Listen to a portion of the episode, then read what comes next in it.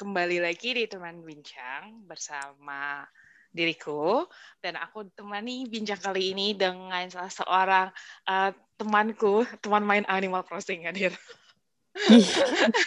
Enggak sih, ini uh, juniorku di kampus, cuman kita kembali bertemu lagi di Animal Crossing di Animal Crossing gara-gara iya. pandemi pandemi ini. Iya. Oke, okay, mungkin langsung aja uh, untuk teman bincang kita kali ini untuk memperkenalkan dirinya. Silakan Dirda. Halo, nama aku Dirda. Uh, sekarang kerjaan aku, uh, aku punya brand Softland, Pink Rabbit Lens. Uh, terus uh, sekarang juga udah jadi PT, jadi uh, sekarang aku juga jadi berarti jadi direktur dari PT Ponia ya. Gitu namanya PT-nya itu PT Ponia Solusi Cantik, brandnya tuh Pink Rabbit Lens. Oh, I see. Gitu. Eh, BTW dir, jujur aja loh, aku baru tahu kalau sampai kamu buat PT. Aku baru tahu kan ngikutin iya. Instagram itu... Instagrammu itu baru kayak produknya sih. Sekarang udah berarti uh, punya PT sendiri gitu. Iya, udah ada PT. Uh, eh, ya gitulah gara-gara ya pernah kena ada kena masalah di 2017 apa 2018 ya aku lupa 2017 atau 2017 kayaknya. Oh ya 2017 karena kan baru dibikin PT-nya 2017 tapi itu sekarang tuh udah aktif gitu. Terus aku jadi sekarang kelabakan juga. Oh, oke okay, oke. Okay. Karena kan nggak ngerti apa-apa gitu terus jadinya kelabakan gitu. Oke, okay. mungkin sebelum kita uh, apa namanya langsung beranjak ke cerita serumu itu mm. yang terkait gimana sampai kamu yeah. bangun PT dan lain-lain mungkin kita bisa uh, bridgingnya dulu deh pertama Dir mm. uh, gimana Kenapa? kamu memulai yeah. ini semua gimana tuh kamu memulai kalau mulainya kan iseng-iseng aja jadi waktu itu kan pengen jualan terus uh, gara-garanya tuh aku punya banyak uh, utang kartu kredit gitu. Jadi waktu itu baru dapat kartu kredit, terus gajiku tuh full buat bayar kartu kredit. Jadi kan aku harus nyari tambahan dong, nggak mungkin aku ngutang. Biasanya sih waktu itu ngutang, terus kan nggak mungkin ngutang lagi. Akhirnya uh, pengen jualan, jualan apa gitu. Waktu itu pernah coba cari-cari supplier tuh belum ada yang ngeklik sampai akhirnya tuh oh kayaknya ini mau jualan softline aja gitu ya udah itu masih dropship jadi aku mulai itu tahun 2014 akhir itu tuh kan belum banyak tuh all online shop. Terus jadi aku aku tuh juga suka belanja di Q10 dulu. Jadi duitku habis di Q10. Aku tuh suka banget ngeliatin. Ya udahlah aku belanja aja di situ gitu. Terus eh aku jualan aja di Q10 akhirnya kan. Terus aku post itu ternyata uh, sebelum dari itu tuh aku mikirin strateginya juga gimana sih biar bisa kejual gitu kan. Oh pertama tuh beli dulu barangnya di supplier. Waktu itu minimal beli cuma lima katanya. Kalau mau jadi uh, reseller gitu. Terus dapat harga potongannya tuh juga cuma dulu tuh untungnya cuma sepuluh ribu apa lima ribu gitu. Waktu itu aku dapetin untungnya satu softland aja gitu. Nice. Ya awal sih kejual 10 gitu. Tiba-tiba kejual 10 di Q10 kayak aku tuh emang lagi laris-larisnya sih. Terus uh, waktu itu untungnya 5000 di Tokped juga kayak belum rame kan 2014 kan. Cuma aku udah udah main aja. Waktu itu ini nggak mulai mulai belanja online nggak 2014 iya sih. Cuman iya memang nggak banyak di yang yang lokal ya. Eh, kalau sekarang kan iya nggak banyak. Uh, sekarang baru banyak sekarang kan. Nah 2014 tuh aku udah jualan di Tokped kayak untungnya itu cuma lima ribu kayak gitu sih karena dropship kan. Uh, kayak gitu.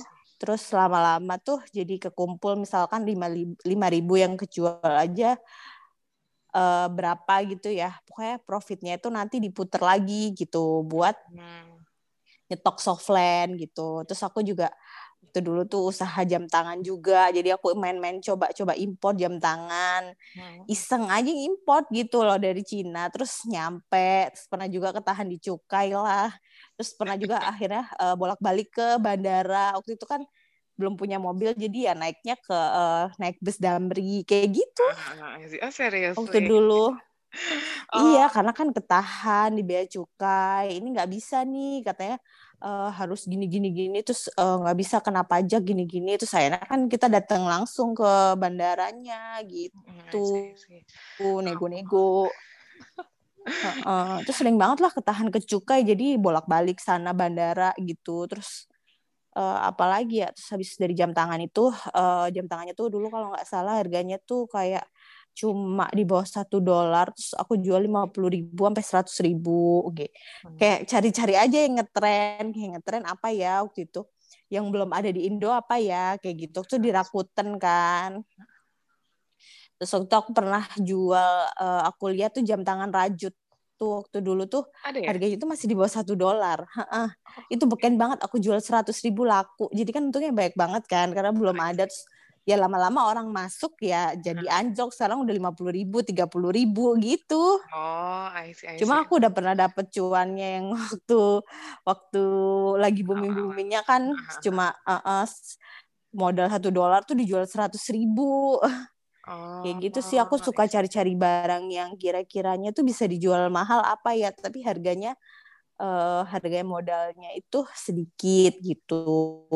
Terus ya uh, lama-lama duitnya kekumpul baru aku beli banyakan softlandnya soal kalau softland itu modalnya gede banget. Jadi kayak nggak sanggup gitu kayak sekali order tuh uh, bisa uh, berpuluh-puluh juta. Oh gitu? 50 juta iya. Oh.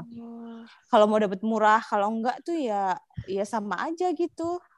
Oh, gitu. Kalau mau dapat murah tuh biasanya ya 20 juta, 50 juta gitu kalau nyetok gitu kan. Ih kok mahal banget ya, belum lagi uh, variasinya banyak gitu kan. Uh, apalagi minus banyak kan dari 0,5 sampai minus 10 gitu. Yeah. Oh, yeah. Terus masa nyetok satu-satu gitu. Kalau nyetok normal aja kayak uh, ya nggak belum tentu uh, banyak gitu kan. Kan orang pasti nyari minusnya juga gitu ya udah pokoknya ngumpulin duit aja stoknya di lama-lama diputerin gitu uh, profitnya itu nggak nggak dipakai kayak buat kayak foya-foya tuh gimana gitu kan kalau misalkan uh, kayak kesenangan aku tuh kayak dari gaji aku aja gitu kan gaji hmm. kantoran masih kantoran sih terus baru uh, itunya diputer dijadiin uh, stok gitu Oh, eh berarti dulu sempat ya dirimu kerja kantoran sebelum iya, uh, sempat. fokus ke ini. Uh, uh, berapa tahun ya? Kan eh, lulus 2013, terus aku resign tuh 2017, berarti empat tahun deh. Iya empat tahun. Kantoran. Berarti uh, sebelumnya mm -mm. di Sambi, maksudnya kamu ngejalanin usahamu uh, mm -mm. sama dirimu kerja kantoran. Itu berbarengan? Iya betul, berbarengan waktu itu. Oh, nah sampai akhirnya kamu resign itu karena kamu mau fokus atau ada hal lain selain.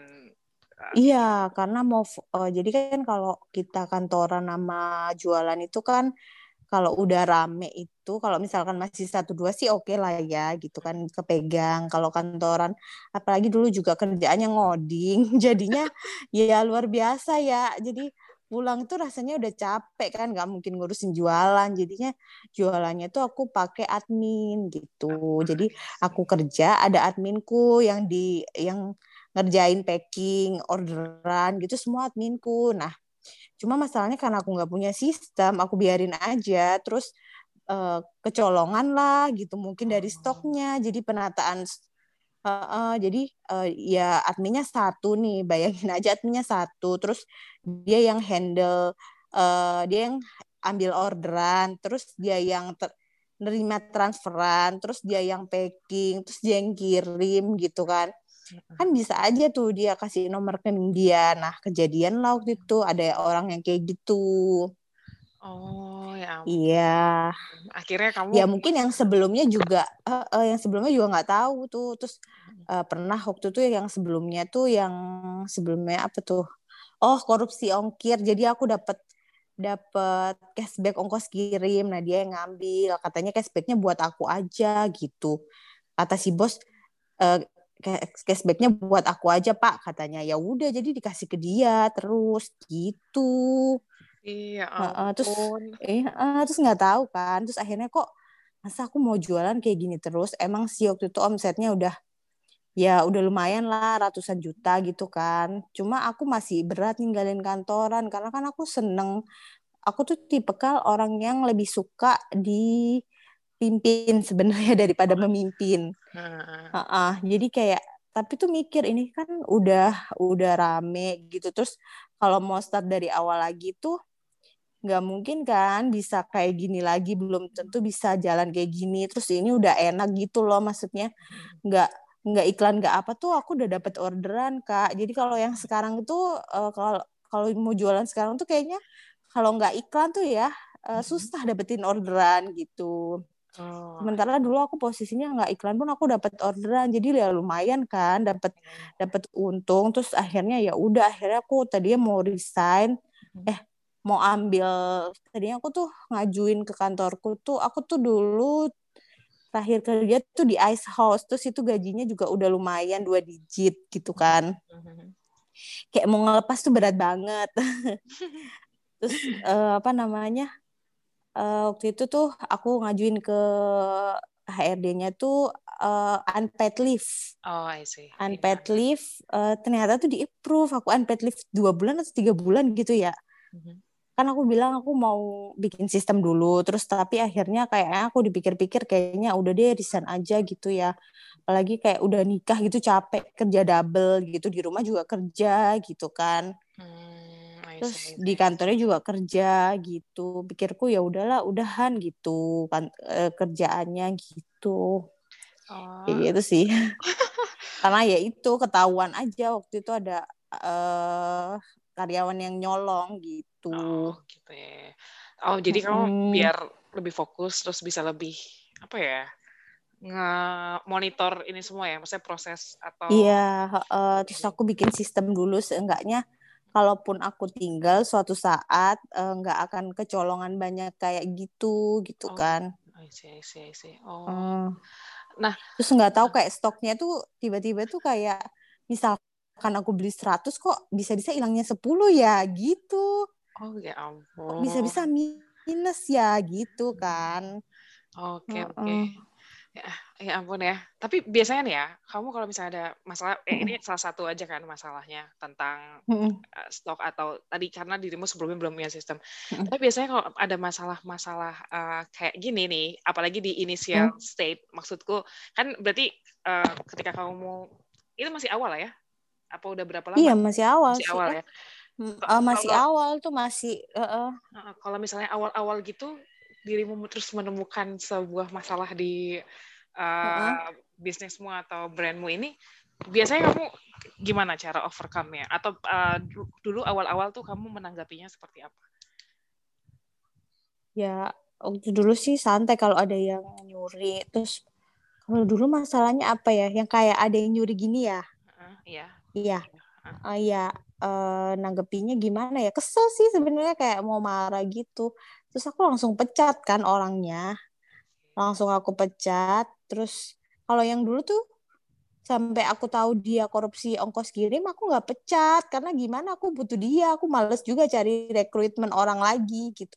Hmm. kalau pas waktu aku kerja kantoran aku kayak selalu gitu kak. Karena aku kan dapat gaji tetap. Jadi aku ngerasanya ya ini sampinganku biarin aja lah gitu.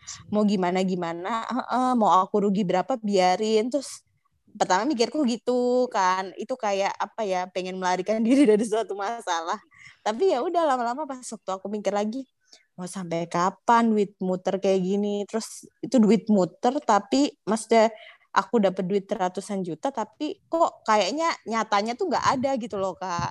Iya iya. iya, iya Misalkan nih ya di sistem Lazada uh, ada omset 100 juta tapi duit aku nggak ada 100 juta loh. Oh. Jadi kayak sebenarnya ini duit ke mana ya aku gitu kan. Hmm. kan bingung juga akhirnya aku makanya memutuskan untuk resign terus aku cari jawaban gitu. Aku harus harus bikin sistem lagi. Terus kadang aku googling googling sih awal-awal.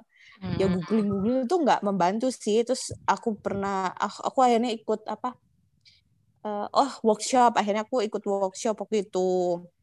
Jadi workshopnya tuh harganya lumayan mahal sih lima lima jutaan kayak gitu Wow. Uh, sampai aku ikut workshop, aku sering banget ikut workshop, ikut kelas gitu kayak dari yang wirausaha wirausaha sebelumnya. Jadi kayak belajar lagi gitulah dari awal uh, uh, buat cari jawaban gitu.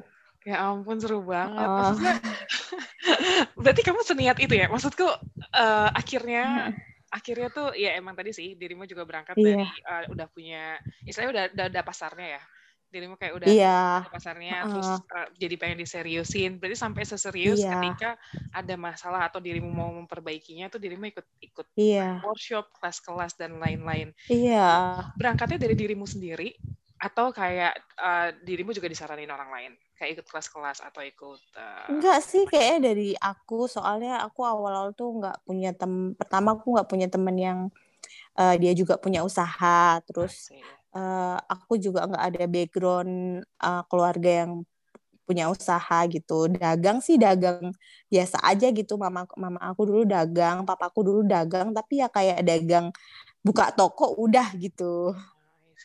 Uh, uh, jadi kan uh, bingung. Aku harus nanya ke siapa gitu kan yang expert di hmm. bidang ini gitu. Ya udah akhirnya aku cari-cari info gitu. Uh, ya uh, motivasinya apa sih? Motivasinya tuh karena apa ya kayak udah terlanjur gitu loh kak. Udah terlanjur rame gitu. Masa sayang kamu nggak mau usaha? Maksudnya kamu tuh udah dikasih uh, rezeki customernya tuh nggak usah nyari yang susah-susah. Kan kadang orang nyari susah. Terus hmm. aku tuh kayak gampang banget gitu nyari customer dan itu pun juga masih rame orderan gitu. I see, I see. jadi aku mikir terus aku juga udah punya stok sekitar ratusan juta Terus masa aku mau uh, biarin hilang ini gitu kan, biarin duit hilang. Terus aku mikirku sih, ya udah aku seriusin siapa tahu nanti kalau diseriusin aku bisa dapet duit lebih banyak. Pikirku gitu sih. Mm-hmm. Ya ternyata pas seriusin itu ternyata ya jalannya beda karena pas udah desain itu banyak banget hambatannya gitu kayak ternyata tuh nggak sejalan. Maksudnya tuh tiba-tiba nanti tahu-tahu kok sebenarnya itu udah hilang gara-gara ada kompetitor gitu. Nah, ada iya. kompetitor ada aja lah sebenarnya. Iya, Terus iya, jadi iya. kayak pernah sempet sih mikir kayaknya mendingan enakan kerja sama orang ya, aku kayak gitu. Tapi ya udah karena kan udah terlanjur resign toh, udah terlanjur enak di rumah sebenarnya lebih ke karena pas waktu dijalanin tuh ya lebih enakan di rumah terus kita tuh nggak nggak ke kantor gitu loh terus kita nggak disuruh-suruh orang kita tuh malah kita yang nyuruh gitu kan. Kayak gitu sih kayaknya. Udahlah diperjuangin aja gitu. Nanti mungkin ada masa indah pada waktunya Cila eh tapi kamu uh, dari dirimu sendiri ada jam ini ya sih? Uh, bukan jam kantor kayak dirimu kayak harus dari jam berapa mulai bekerja? Uh, dalam artian enggak. oh enggak. Jadi uh, semau-mau aja Iya, semau aku aja. Kadang oh. justru awal-awal aku kerja dari pagi, aku pagi sampai malam lagi aku cuma istirahat cuma buat tidur gitu. Kalau awal-awal ya pas waktu pas waktu masih berjuang. Oh my god. Iya, karena kayak gimana ya kayak jadi beban sendiri gitu. Kakak punya duit ratusan juta terus tahu-tahu penjualannya turun udah gitu ada itu lagi ada apa namanya?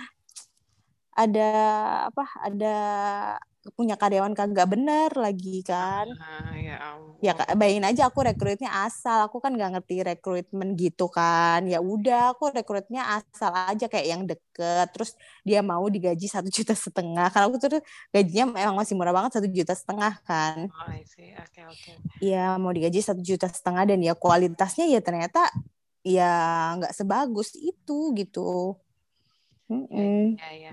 Eh, terus aku tuh penasaran deh, kan tadi dirimu bilang sebenarnya mm awal kan uh, dirimu mencoba mencari-cari barang yang uh, belum ada, maksudnya masih jarang di Indo. Uh-uh. Pertama dari softline, terus jam, jam jam tangan itu.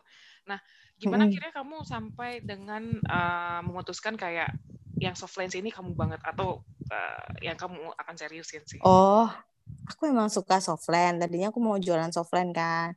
Aku suka pakai softline, terus ya uh, terus aku kayak ngeklik gitu pas waktu kenal produknya terus waktu customernya nanya-nanya konsultasi itu seneng gitu jadi aku oh. paham produknya jadi aku lebih paham produknya sih kalau ke softland oh. kalau ke jam tangan itu kan soalnya dia uh, sekali pakai aja ya terus levelnya itu di orang-orang level bawah gitu kan yang beli jam tangan lima puluh ribuan kayak gitu. Oh, Kalau softline kan mungkin enak dibikin brandingnya gitu tapi menurutmu sendiri penting nggak sih uh, kayak uh, dirimu mulai usaha atau membuat usaha itu dari oleh uh, maksudnya dengan suatu produk yang dirimu sendiri itu juga suka atau uh, ketahui gitu atau iya penting Uh, maksudnya aku misalnya penting. kalau aku misalnya mau membuat sesuatu nih, um, mungkin juga nggak uh. sih aku memulainya dengan barang yang sebenarnya aku nggak tahu, cuman menguntungkan gitu. Oh, kayak gitu sebenarnya bisa. Kalau nanti uh, apa kakak bisa apa maksudnya bisa belajar gitu untuk mengenali produk itu gitu. Kalau emang mau diseriusin ya dipelajarin produknya. Betul-betul gitu. Oh, kayak gitu bisa sih gitu. Oh, iya, karena sebenarnya aku juga nggak terlalu paham softline yang gimana, tapi ketika udah masuk ke softline itu, jadi oh aku tahu nih, oh gini-gini. Ternyata harus apa namanya ternyata harus direndam dulu gitu. Terus gimana sih biar nyaman gitu. So aku paling sih cuma suka kayak model-modelnya yang unik gitu. Aku ngerti kayak ngeklik oh ini tuh bakal aku nih kayak gitu tuh uh, aku bisa gitu kalau di softland kayak aku pernah masuk juga di baju ya. Oh, aku cerita aku pernah pernah coba jualan baju tapi aku nggak laku gitu. Jadi aku waktu itu ke Bangkok sampai aku ke Bangkok aku beli baju terus mau dijual di Indonesia hmm. ya karena aku nggak tahu pasarannya aku nggak tahu uh, gimana model yang apa disukai nama customer terus aku nggak ngebikin target marketnya siapa kayak gitu jadi ya udah nggak laku deh masih ada tuh bajunya ya ampun terus ini deh sama berarti kalau misalnya dari produknya yang dirimu pilih mm -hmm. berarti untuk saat ini karena dirimu kayak uh, suka juga soft lens dan mm -hmm. itu yang membuat mulai keep going dengan soft lens ya tapi ada kemungkinan nggak kamu expanding yeah. to other products uh, kemarin sempet cuma lah mager lah kak. Kemarin aku sempat mau bikin apa tuh kosmetik kan karena ya ininya kan udah lumayan rame. Terus aku mau bikin kosmetik itu udah nanya-nanya sih orang mau kayak uh, bikin brand sendiri kosmetik. Tapi kan aku nggak ngerti jadi aku mau belajar gitu males. Sebenarnya kalau aku mau belajar sih ya bisa-bisa aja sih Jadi kayaknya sekarang enggak dulu deh istirahat dulu karena aku banyak banget yang harus dibenerin kayak uh, untuk pajak itu aku kudu benerin kan karena udah jadi PT itu aja sih oh. paling yang berat. Uh, I see, I see. Uh -uh. Dari selanjutnya tadi kan kamu bilang uh, aku penasaran juga sampai kamu memiliki -uh. brand yang seperti ini. Um, pertama deh sebelum aku uh, menanyakan gimana kamu memasarkan ini, pertama aku pengen tahu nih gimana kamu bisa mendapatkan nama Pink Rabbit? Itu, oh kan sebelumnya aku tuh namanya tuh jualan Pink Rabbit ya. Jadi aku tuh jualan tuh asal karena aku nama itu uh, kayak ngasal gitu loh kak karena kan iseng.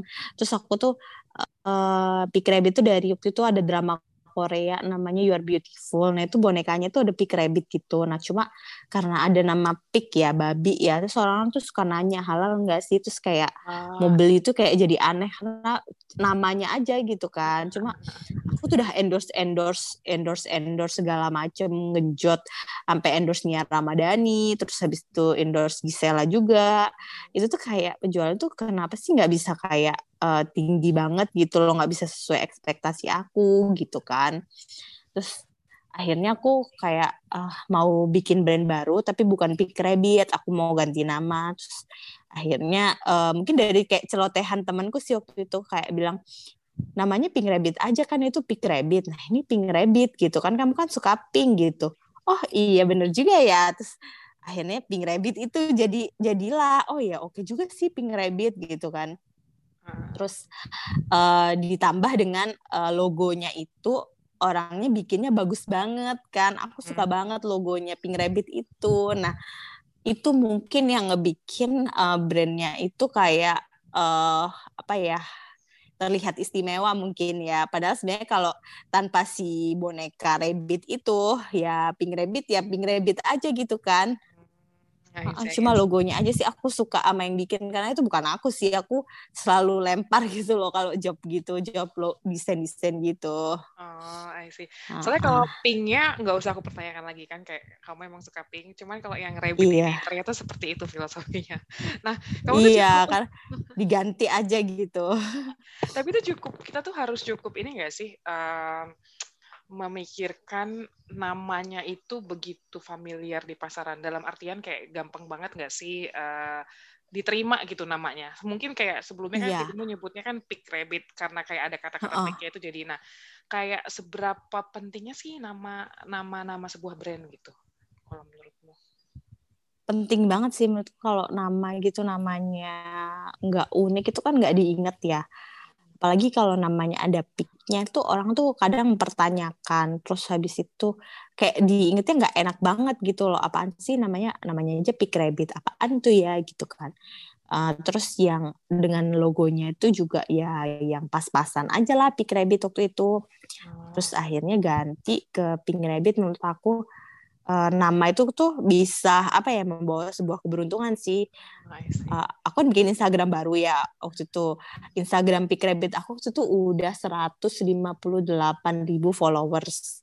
Terus ada orang nanya, kenapa kamu ganti pilih uh, start dari nol Pink Rabbit gitu? Karena menurutku beda kan Pink Rabbit dan Pink Rabbit. Nah, uh, akhirnya aku start dari nol ya lama-lama sekarang uh, ternyata penjualannya Pink Rabbit tuh lebih banyak gitu daripada penjualannya Pink Rabbit gitu. Terus nggak cepet banget gitu naiknya menurut aku sih ya karena aku udah mikirin mungkin ya konsepnya nanti Pink Rabbit itu uh, mau kayak gimana promosinya terus mau softwarenya itu model seperti apa kayak gitu sih. Terus desain katalognya itu uh, seperti apa gitu. Aku mintanya yang beda dari Pink Rabbit kayak gitu. Oh, eh tapi orangnya sama orang yang bantu kamu untuk desain itu Uh, beda kalau yang kalau yang katalog sama logo tuh beda gitu. Oh, I see, I see. Mm -mm. Uh, tapi ini enggak sih, uh, berarti tapi nggak apa-apa ya. Uh, sebelumnya misalnya aku, misalnya pun aku memiliki sebuah nama brand, uh, dalam seiring waktu aku mengganti nama tersebut. Iya, nggak apa-apa sih, karena nggak uh, masalah gitu kalau emang ternyata mau diganti ya cuma kalau kadang kalau kita mau ganti ya kita start dari nol lagi gitu jangan iya. jangan kita kayak aku kan kemarin punya pick rabbit terus habis itu uh, ada yang bilang katanya ganti aja username-nya jadi Pink Rabbit lah. Terus kan jadi kayak nggak make sense gitu. Kan kita mau mengenalin uh, si nama baru ini gitu. Kalau aku sih mikirnya aku mau ngenalin nama baru ini Pink Rabbit itu ya udahlah gitu. Oh, uh, maksudnya udah terus uh, Pink Rabbit kan mulai nih apa mulai dengan postingan baru, terus habis itu desainnya juga baru, konsepnya juga baru, kayak gitu sih. Iya, iya, iya. Soalnya tuh kadang tuh aku stuck sama nama apa ya yang eye-catching gitu. Maksudnya aku tuh kayak oh. mikirkan apa ya namanya. Maksudnya akhirnya iya. kayak yang ya udah berlalu aja kayak gitu. Maksudnya kalau nggak apa-apa dapat soalnya kebetulan uh, uh, uh. dapat yang udah langsung oke okay, gitu. Maksudnya abis itu walaupun abis uh, uh. itu ganti ya sempat ganti cuman aku akhirnya hmm. tuh kayak aduh nama apa ya yang yang bagus yang kayaknya tuh uh, oh yang eye bukan eye kayaknya uh, nggak gitu. apa-apa sih menurut aku ya kayaknya uh, kalaupun mau diganti tapi uh, konsepnya sama nggak apa-apa sih kalau aku mungkin karena aku mau ganti karena waktu itu uh, Pink Rabbit itu kan jualannya banyak-banyak brand sementara Pink Rabbit ini aku mau launching new brand gitu loh brand baru oh, yang kan nggak mungkin kalau orang mau launching brand baru kita pakai brand yang sebelumnya kayak gitu pakai IG yang sebelumnya kan aneh kok udah ada postingan gitu ya yeah, yeah, yeah, make sense oke okay. yeah. nah itu gimana kamu memasarkannya maksudnya tadi kamu udah sempet oh. juga singgung maksudnya beberapa hal gimana caranya kamu memasarkan uh, produkmu ini. Nah uh, aku pengen lebih detail lagi. Dirimu memasarkan kalau Iya, kalau masarin itu ya biasanya ada banyak sih cara gitu kan. Pertama dari teman ke teman terus waktu itu tuh uh, aku endorse sih aku lebih ke endorse terus aku buat Instagram. Kan buat Instagram itu buat media ininya ya biar dapetin followers gitu. Endorse terus ada juga waktu dulu tuh uh, pet promote gitu tapi sekarang kayak pet promote nggak terlalu ngefek gitu lebih ke endorse sih uh, uh, terus habis itu juga ada Instagram ads FB Ads gitu pakai itu sih Wah, banyak. Cuma dua itu sih kuncinya. Cuma itu ya kalau dipelajarin itu ya lumayan gitu. Nah, terus dari dari pertama nih, mm -hmm. uh, dari beberapa uh, cara untuk memasarkan produkmu itu, cara mana yang mm paling efektif secara data? Maksudnya secara uh, oh. return back-nya atau apanya? Yang Hmm, sebenarnya kalau aku sih dua-duanya karena aku tuh eh, apa Instagram ads itu uh, aku pakai materi endorse gitu. Oh. Kalau yang paling efek sih ya sebenarnya Instagram ads tapi uh, itu harus yang tertarget gitu. Oh, Jadi kayak ada triknya sendiri, iya oh, uh, tertarget terus kita tuh harus tahu target market kita siapa. Mm-hmm. Terus kita tuh juga harus punya data customer. Jadi itu biasanya kalau uh, yang beli gitu harus dicatat customernya siapa. Nah itu kita bisa retargeting lagi gitu. Terus ada lagi nanti Facebook Pixel kayak gitu pakai-pakainya deh biar retargeting terus jadinya uh, dapat lah gitu. Oh, Jadi see. Uh, si Facebook kan pinter banget gitu nyari-nyari. Kita misalkan mau tolong dong Facebook cariin orang-orang yang uh, bakal beli softland, uh, softland aku. Ini data customer aku. Cariin orang yang mirip dengan oh, okay, gitu. customer gitu. aku kayak gitu. Iya intinya gitu sih. Jadi oh, ya pernah nggak kadang kan kita cuma buka Instagramnya Instagramnya online shop siapa gitu tahu-tahu kita dapat langsung dapat iklannya kayak gitu kan oh ya tuh kayak gitu retargeting oke oke oke nggak soalnya yang aku taunya tuh uh, misalnya kalau endorse hmm. kan uh, aku nggak tahu ya ini gampang apa enggak. Misalnya kalau endorse nih, hmm. secara secara aku orang awam tuh cuma hmm. kayak kamu approach orangnya, terus kamu bayar untuk dia iklan. Misalnya kan se, se, se yeah. itu. Nah aku nggak tahu kayak kalau kalau misalnya kamu uh, minta ads ke Facebook ya, Facebook atau Instagram mm. sampai uh, bisa mendetailkan kayak target uh, pasar kamu seperti apa, kayak gitu ya? Aku baru tahu loh. Iya. Uh, oh, aku bisa cari. Oh, aku mau cari orang-orang yang uh, sukanya di fashion aja, cewek, usianya uh, maksim, jangan tua-tua, usianya maksimal 30 tahun bisa usianya kita terus jadi iklan aku tuh nggak akan dilihat sama cowok karena aku settingnya female gitu. Oh, Terus okay. iya, jadi kita bisa ngetarget lebih sebenarnya lebih ngefek ke FB Ads kalau tahu triknya gitu. Uh. Cuma kalau sekarang aku FB Ads gitu aku udah pakai jasa sih. Jadi awal-awalnya aku cari-cari terus aku kadang bayar iklannya mahal. Uh-huh. Jadi aku pakai jasa aja gitu karena aku udah nggak sanggup lagi belajar. udah otaknya udah gimana gitu. pakai jasa ini gimana dia maksudnya? Jadi si jasa ini yang settingin kita iklan gitu. Oh, I see. Iya, jadi dia yang uh, jadi gimana caranya tuh dia ngebikin iklannya tuh murah. Kalau misalkan dulu aku pernah post, aku hmm. pernah iklan itu per kliknya tuh bayar seribu. Nah, di ikl di jasa ini aku cuma bayar 500 kali klik kayak gitu, bisa oh. kayak ngirit. Oh. Jadi kan budget iklan aku juga dengan aku budget 10 juta aja iklan aku budgetin sih iklan cuma 15 juta sebulan. Hmm. Uh, 15 juta tuh iklan FBS sebulan tuh udah bisa ngirit banget gitu. Kalau dulu sebelumnya sampai 30 juta Kak, 30 50 tuh kayaknya mana penjualan kayak gitu. Hmm, eh semahal itu ya? Eh enggak deh maksud. Iya, ya tergantung sebenarnya uh, bisa sih, bisa kayak 5 juta aja gitu Kak bisa gitu. Satu juta aja bisa gitu, bisa kok. Perbandingannya tapi gimana? Tapi ya cuma jangkauannya. Iya, maksudnya ya, kalau... tuh uh, aku tuh pengen tahu deh, misalnya apakah ketika untungku udah segini banyak, aku harus mengeluarkan duit untuk uh, memasarkan tuh segini persen gitu. Kayak gitu hitungannya oh. atau kayak dirimu udah mulai dengan karena ini misalnya yaudah uh, iklan se kamu ngasih budget pemasaran itu banyak. Uh. Uh, karena dirimu kayak Oh, kalau aku aku sih kalau pertama nggak ada target gitu ya, hajar aja gitu. Yang bagus oh, sih ada target gitu. Misalkan kayak uh, mungkin 10% dari keuntungan itu buat iklan gitu. Kalau oh. kalau nyatetnya benar karena sebelum-sebelumnya nyatet keuangannya aja kagak benar gitu kan. Gimana aku bisa tahu datanya? Ya mungkin kalau kita dari dari sales sih kan tuh uh, sales itu kan uh, bukan keuntungan ya, masih bisa kepotong lain-lain gitu. Kita nggak tahu profit bersihnya berapa gitu. Makanya aku kayak hajar aja udahlah segini kayak gitu. Kadang satu juta sehari gitu. Ya cuma pernah juga uh, jadinya kok nggak ngefek ya gitu kan.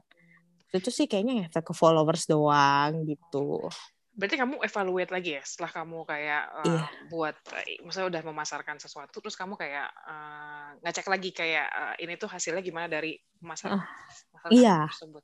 Oh, I see. Uh, uh. Ampun, banyak banget ya, dia. Kayak misalkan followersnya berapa gitu. Uh, uh, Habis itu uh, ngefeknya apa sih penjualannya naik atau enggak kayak gitu. Oh, Kalau misalkan ternyata kok nggak naik-naik karena sebelumnya itu nggak naik-naik yang aku iklan 30 juta tuh kayak pick rabbit deh. Terus akhirnya aku stop kan, aku nggak mau lagi iklan kayak gitu. Terus aku pikirin, aku aku nggak iklan deh, aku coba bandingin gimana aku nggak iklan dengan aku iklan. Ternyata ya sama aja. Uh, berarti kamu Iya, sama aja ya? sih kayak Iya sih, harus kita harus kalau udah dimasuk ke bidang ini tuh kita harus coba-coba terus gitu. Oke oke oke.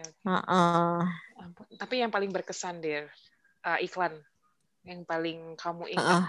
proses uh, memasarkan produkmu ini ada nggak cerita uh. yang menarik atau yang paling mahal mungkin atau yang paling apa ya? ya yang paling mengesankan dari proses iklan-iklan ini? Kayaknya agak ada sih. Paling ya itu bayar iklan mahal-mahal tapi ya nggak ngefek kayak 50 juta. Paling endorse sih pernah kayak endorse berapa ya udah endorse. Oh aku pernah endorse artis waktu 18 juta endorse ya. Sekali posting 18 juta di Instastory. Aku pikir aku dapat feedback lebih dari itu kan ternyata tidak jong jadi aku rugi 18 juta tapi nggak rugi juga sih mungkin aku dapat follower 5000 5000 followers gitu oh, I see. tapi endorse 18 juta tuh ngapain dir ya dia promosiin artisnya udah gede sih maksudnya uh, udah terkenal oh, semahal itu ya, ya itu followersnya banyak banget dia iya 18 juta dan ternyata loh kosong gitu kan. Masa cuma dapat follower lima ribu penjualannya ya biasa aja gitu ya udah.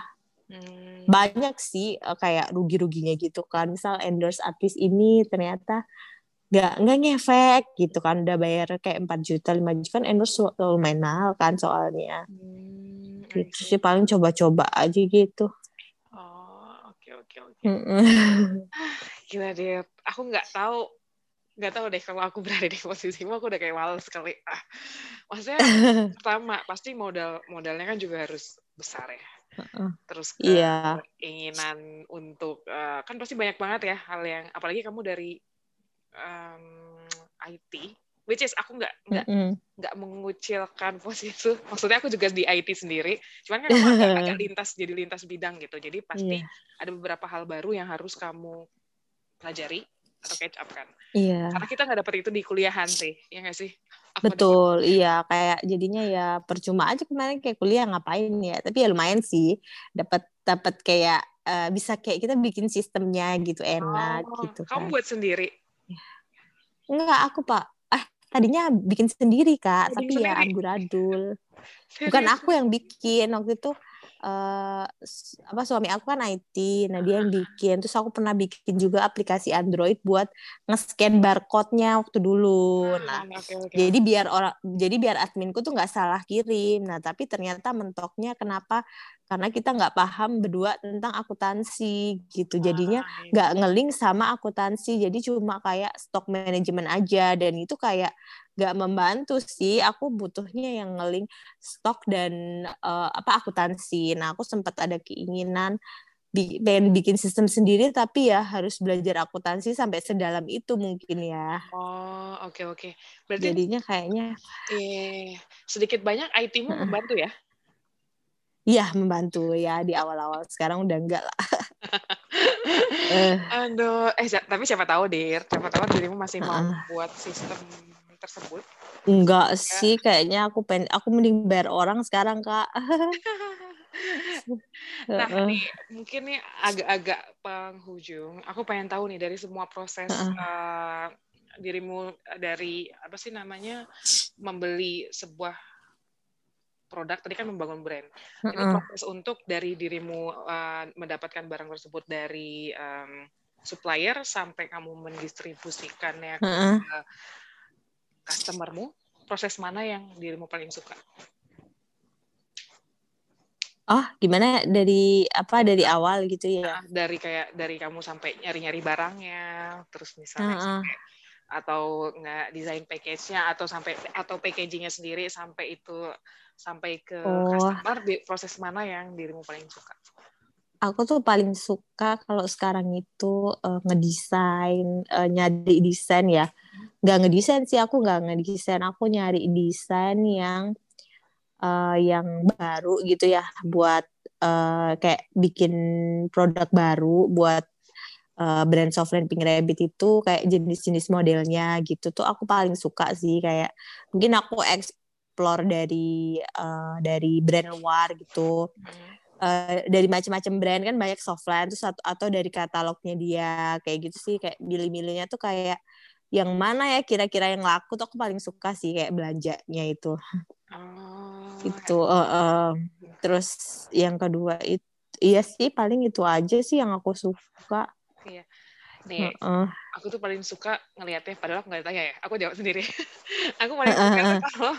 kalau dari dirimu tuh yang uh, ini kan dirimu suka Instagram story kalau lagi foto produk ya sama talent oh gitu. iya iya iya nah, iya kayaknya seru seru aja sih kan kamu juga ya, di seru, kan ya iya iya aku di situ sih. Oh iya foto. Iya seru sih. Aku ketemu. Itu juga itu juga ketemu kayak artis aku kemarin uh, jadi ketemu Hanyura kan. Aku ngefans juga sama Hanyura gitu. Aku aku pilih dia kan jadi modelku. Terus uh, ya gitu. Seneng sih. Cuma ya kalau foto shoot itu uh, nggak tahu kenapa melelahkan nggak. Ya walaupun seneng melelahkan sih karena mungkin kan kita standby terus kan terus habis itu padahal yang moto juga bukan aku jadi kayak berdiri terus aja mantengin terus mungkin kayak kena kena juga cahayanya panas kan pegel. Tahu-tahu pegel aja badan. Iya ngelihat terus kadang eh ini ada yang kurang nih kayak apanya tuh kurang apa matanya tuh kurang gitu kan mesti oh, harus detail itu ya? Men, iya jadi kak jadi makanya aku kudu ikut tuh kadang uh, matanya tuh kayak nggak sama kanan kiri terus aku minta MUA-nya tuh ngerapiin kayak gitu sih. Oh. terus ternyata pas coba lipstiknya kurang gitu. Lipstiknya kayak nggak cocok deh ganti deh aku bilang kayak gitu. Atau nggak gaya rambutnya aku nggak suka kayak gitu. Ya ampun. Nah nih kamu kan baru punya baby. Terakhir ya sebelum yeah. penutupan terus gimana kamu manage ini? Kayak uh, oh. apa sih namanya uh, dengan bisnis kamu, uh, brand kamu, sama uh, manage waktu kamu dengan untuk keluarga gitu sih. Iya sebenarnya ini aku masih belum terlalu gimana ya yang yang bagus untuk ditiru karena uh, aku kayak lebih fokus ke baby pertama ya Terus aku uh, yang kedua itu sebe sebelum aku punya baby, aku hire asisten pribadi. Jadi dia yang wakilin aku untuk uh, ngerjain semua pekerjaan aku kayak maintain karyawan, terus ada permasalahan operasional biasanya kan aku. Nah, itu tuh uh, aku alihin ke asistenku itu. Jadi dia ngurus semua gitu dari operasional terus kayak ngurus-ngurus dokumen kayak gitu jadi uh, dia urus misalkan urusan ke toko gitu kan aku punya toko di Bekasi gitu. Jadi ngurus-ngurusnya tuh asistenku kayak gitu sih dan uh, alhamdulillah aja aku tuh dapat asisten yang uh, bagus gitu kan. Jadi bener-bener ngebantu. Jadi aku tuh bisa fokus ke baby. Paling yang terakhir aku tuh tugas aku di yang ngerekap keuangan itu kan buat pelaporan pajak. Nah, sebenarnya itu juga belum beres gara-gara gara-gara aku terlalu fokus ke baby dan uh, ke apa namanya ya ke kehidupan pribadi aku kayak misalkan aku main Animal Crossing kayak gitu kan karena gimana pun aku tuh harus waras iya, gitu loh. Iya, iya, aku pikir gimana caranya aku harus waras dengan keadaan ini apalagi punya baby kan berat aku nggak ada babysitter kayak gitu sih. Paling uh, ya akhir babysitter sih bener karena kan nggak bisa kita semuanya yang kerjain ya. Tapi menariknya sih uh, dirimu tahu kapan harus seperti apa sih? Menurutku ya. Maksudnya kalau sekarang kan mungkin oh. memang karena dirimu harus uh, fokus ke ya emang babymu atau uh, uh. keluargamu maksudnya ya memang uh, har, mungkin emang ada beberapa hal yang saat ini dirimu ke se, iya. dulu kali ya. Cuman iya, mungkin kan ada. dirimu lanjutkan kan? Maksudnya diri iya pasti juga. gitu iya, karena iya, iya, iya, iya. ya karena tanggung jawabnya kan gede juga sekarang karena udah jadi direktur habis itu uh, terus pas baby baby itu kan uh, apa sebenarnya nggak rewel sih cuma kan kita juga nggak tega gitu ya. Yeah ah kayak nggak diurus tuh nggak tega nggak diajak main nggak diajak stimulasi kan nggak tega jadi ya mau nggak mau ditemenin gitu. Jadi ya ada yang dikesampingin ya kayak jualanku tuh aku sampingin. Cuma biasanya sih manage-nya itu yang penting-penting biasanya asisten aku WA gitu kak uh, ada masalah gini-gini. Jadi aku uh, misalnya titip dulu bayinya ke suami gitu terus ah baru aku handle kalau ada masalah yang genting gitu ya aku taruh dulu babynya biasanya gitu titip kayak gitu sih. Asik. tetap. Ah gila deh aku nggak tahu kalau segitunya sih. Segitunya sih ceritanya iya makanya kadang kayaknya aku uh, butuh waras gitu makanya aku kayak ya udahlah aku ngedrakor dulu kadang aku main dulu gitu. Iya yeah, ya ampun. Gitu sih. Iya ya aku dir aku doakan semoga urusanmu lancar babymu sehat uh, usaha iya, lancar misalnya pajak dan iya, amin. segala macam urusan PPN yeah. dan lain-lainnya. Terus mot, uh, kata motivator penutup nih, kalau untuk orang-orang yang mau memulai membangun hmm. sebuah brand atau bisnis, apa yang bisa hmm. kamu sampaikan?